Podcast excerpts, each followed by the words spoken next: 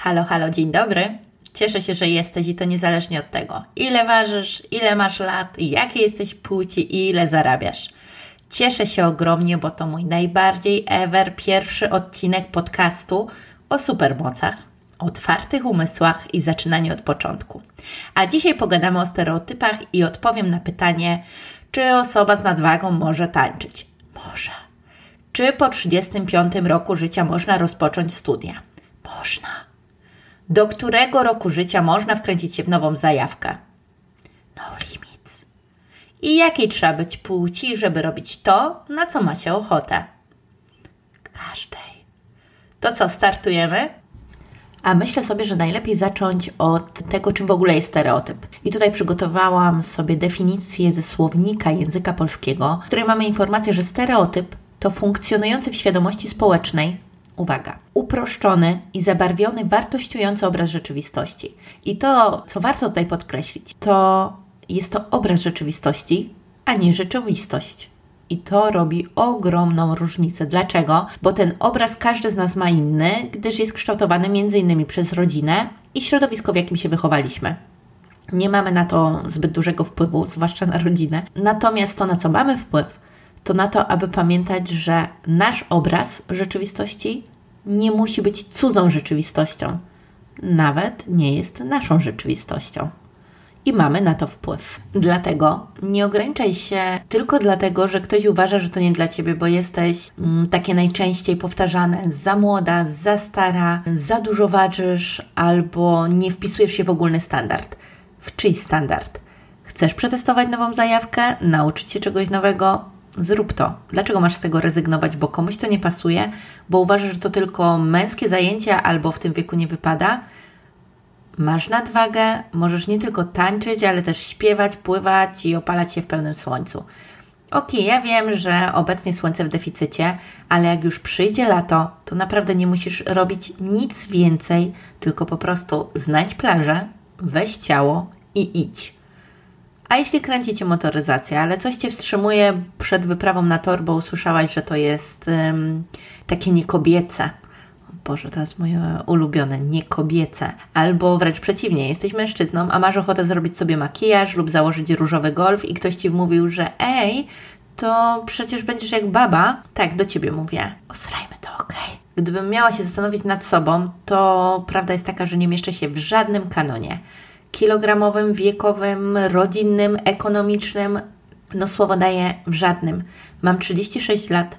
Rozpoczęłam studia prawnicze. Nie mam dzieci, nie mam męża. Ważę zdecydowanie za dużo, ale obecnie i to już w ogóle niektórym rozwala mózg. Nie pracuję nad tym, żeby schudnąć, a żeby zrozumieć, dlaczego tak się stało, że w tak krótkim czasie aż tyle przytyłam.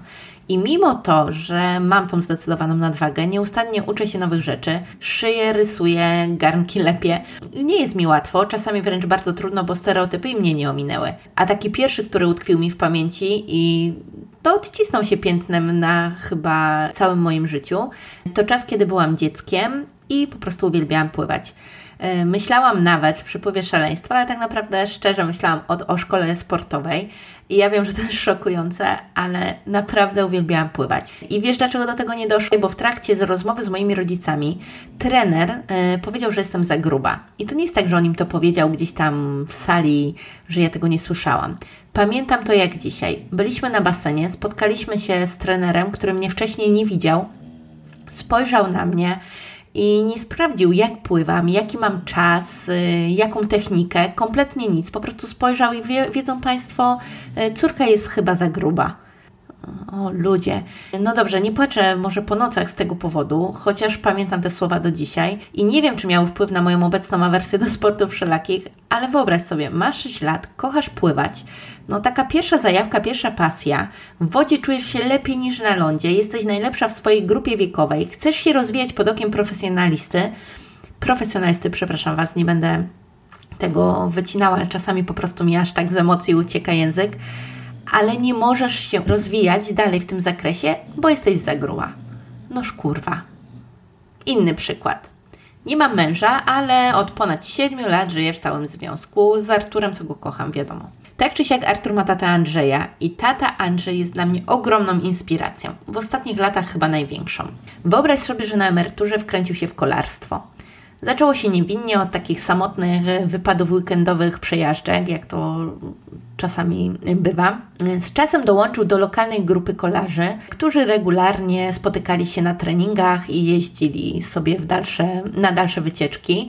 No nie, nie skłamię, jeśli powiem, że wśród nich był jedną z najstarszych osób. Jeździł na bardzo zwykłym, bynajmniej nieprofesjonalnym rowerze, jakiejś kolarce, którą kupił za grosze. I te wyprawy z tą grupą kolarzy początkowo były dla niego po prostu zbyt ciężkie, zbyt intensywne. Oni mieli już swoje trasy, wiadomo, tu chodzi o to, żeby był teren urozmaicony, właśnie raz z górkę, raz pod górkę, aż tak się na tym nie znam, no ale to mniej więcej tyle ze słyszenia. I mimo tego, że nie do końca dawał radę, bo oni jeździli po kilkadziesiąt kilometrów, tak mu się to bardzo spodobało, że wypady stały się regularnymi treningami. Wyniki miał coraz lepsze, nawet lepsze od tych młodszych kolegów. Suma summarum doprowadziło do, do tego, że zaczął brać udział w zawodach. Tak, przypominam, był na emeryturze. Co więcej, wygrywał te zawody. Niemal wszystkie.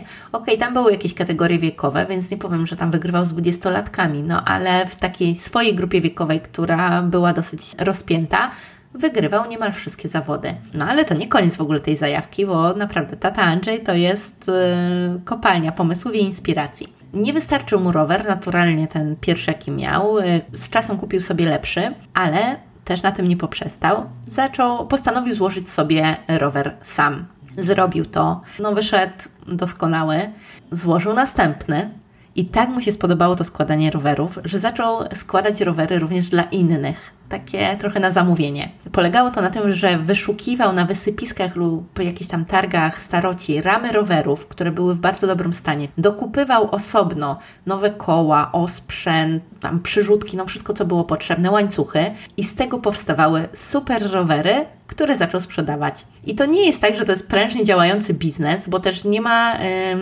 nie na tym mu zależy, choć chętni naprawdę czekają w kolejce, ale mm, działa po prostu w wolnym czasie, w swoim garażu garażu, niemal jak Steve Jobs, tylko zamiast komputerów składa te rowery. I pieniądze odkłada, co więcej, bardzo się z tego cieszy, bo chce nam pomóc wykończyć dom, który obecnie się buduje i uczciwie mówiąc, bardzo go to ekscytuje. I widzisz, zaczął całkiem niewinnie. Z kilku, metrowy, y, kilku kilometrowych wycieczek rowerowych zrodziła się z nim, w nim pasja, dzięki której jeździ nawet, bierze udział nawet w 100 kilometrowych wyścigach, a z pasji przeszedł do sposobu na dorabianie na emeryturze i pomoc Arturowi, swojemu synowi. I to nie jest tak, że my tego potrzebujemy, ale dla niego to jest ważne, a mnie to po prostu wzrusza. Totalnie mnie wzrusza. Nawet jak teraz o tym mówię, to mi się oczy zaszkliły, bo mógł w ogóle nie zaczynać. W końcu miał ponad 60 lat i wiele osób w jego wieku po prostu siedzi w kolejce do lekarza albo w kościele i żeby nie było, nie mam nic ani do lekarzy, wręcz yy, uważam, że o zdrowie trzeba dbać i regularnie kontrolować jego stan i tym bardziej nie mam nic do wiary. Ale mam przeciwko, mm, jakby to nazwać, mam tylko coś do takiej pasywności i niemocy, bo wiek, bo płeć, bo nie ten czas i stan portfela. Okej, okay. i jak najbardziej zgadzam się z tym, że y, są pewne ograniczenia, typ, e, w temacie, nie wiem, na przykład wzrostu wagi, gdybyś chciała być modelką, albo chciałabyś zostać pilotką, więc tam faktycznie jest to ważne, ale w większości te powtarzane stereotypy, no w znakomitej większości naprawdę nie mają uzasadnienia i są z tak zwanej dupy, po prostu. Ale e, jest w tym wszystkim jednak jeden embaraz że czasami to my same powtarzamy te stereotypy jako powód, dla którego czegoś nie robimy. I prawda jest taka, że kiedy to my powtarzamy takie stereotypy, to w naszych ustach stają się one usprawiedliwieniem. Usprawiedliwieniem naturalnie dla braku działania. Chciałaś się nauczyć włoskiego i pojechać na pizzę do Rzymu? Dlaczego tego nie zrobiłaś? Co Cię powstrzymało? A wiesz, już chyba jestem za stara lub miliony innych wymówek. Lubię modę, założyłabym kanał na YouTubie, ale albo chociaż tam profil na Instagramie, ale tam same supermodelki, w moim rozmiarze to przecież bez sensu. No ma to jednak sens. Na Instagramie też są różne dziewczyny w różnych rozmiarach, a wręcz jest to teraz w silnym trendzie, aby y, promować naturalność. Nie szukaj w cudzym wyglądzie swojego standardu, bo to tak nie działa. A może myślałaś o zmianie zawodu i to już w ogóle jest mój konik. I dajmy na to chciałaś się nauczyć programowania. Co Cię powstrzymało? No i tutaj się pojawia, bo to jest taki przykład w ogóle z życia. A wiesz, bo tam są sami młodzi w branży i w moim wieku już raczej tego rynku, rynku nie podbije. No, jeśli nie spróbujesz, jeśli się nie nauczysz, jeżeli nie nabędziesz kompetencji do tego, aby ten zawód zmienić, no to faktycznie nie podbijesz. Dlatego odszukaj w sobie supermoc, którą wierzę, że ma każdy z nas. Bo wiecie, te supermoce o których jest m.in. ten podcast, one nie są jakieś nadprzyrodzone. Są po prostu wrodzone bardzo często. I ta, do której dzisiaj Cię zachęcam, którą musisz odszukać w sobie, to moc kreowania własnej rzeczywistości wbrew powszechnym stereotypom i cudzym standardom. Jak ja to mówię, miej w dupie cudze standardy, stwórz własne. No to pierwszy kod za płot. Do usłyszenia w kolejnym odcinku.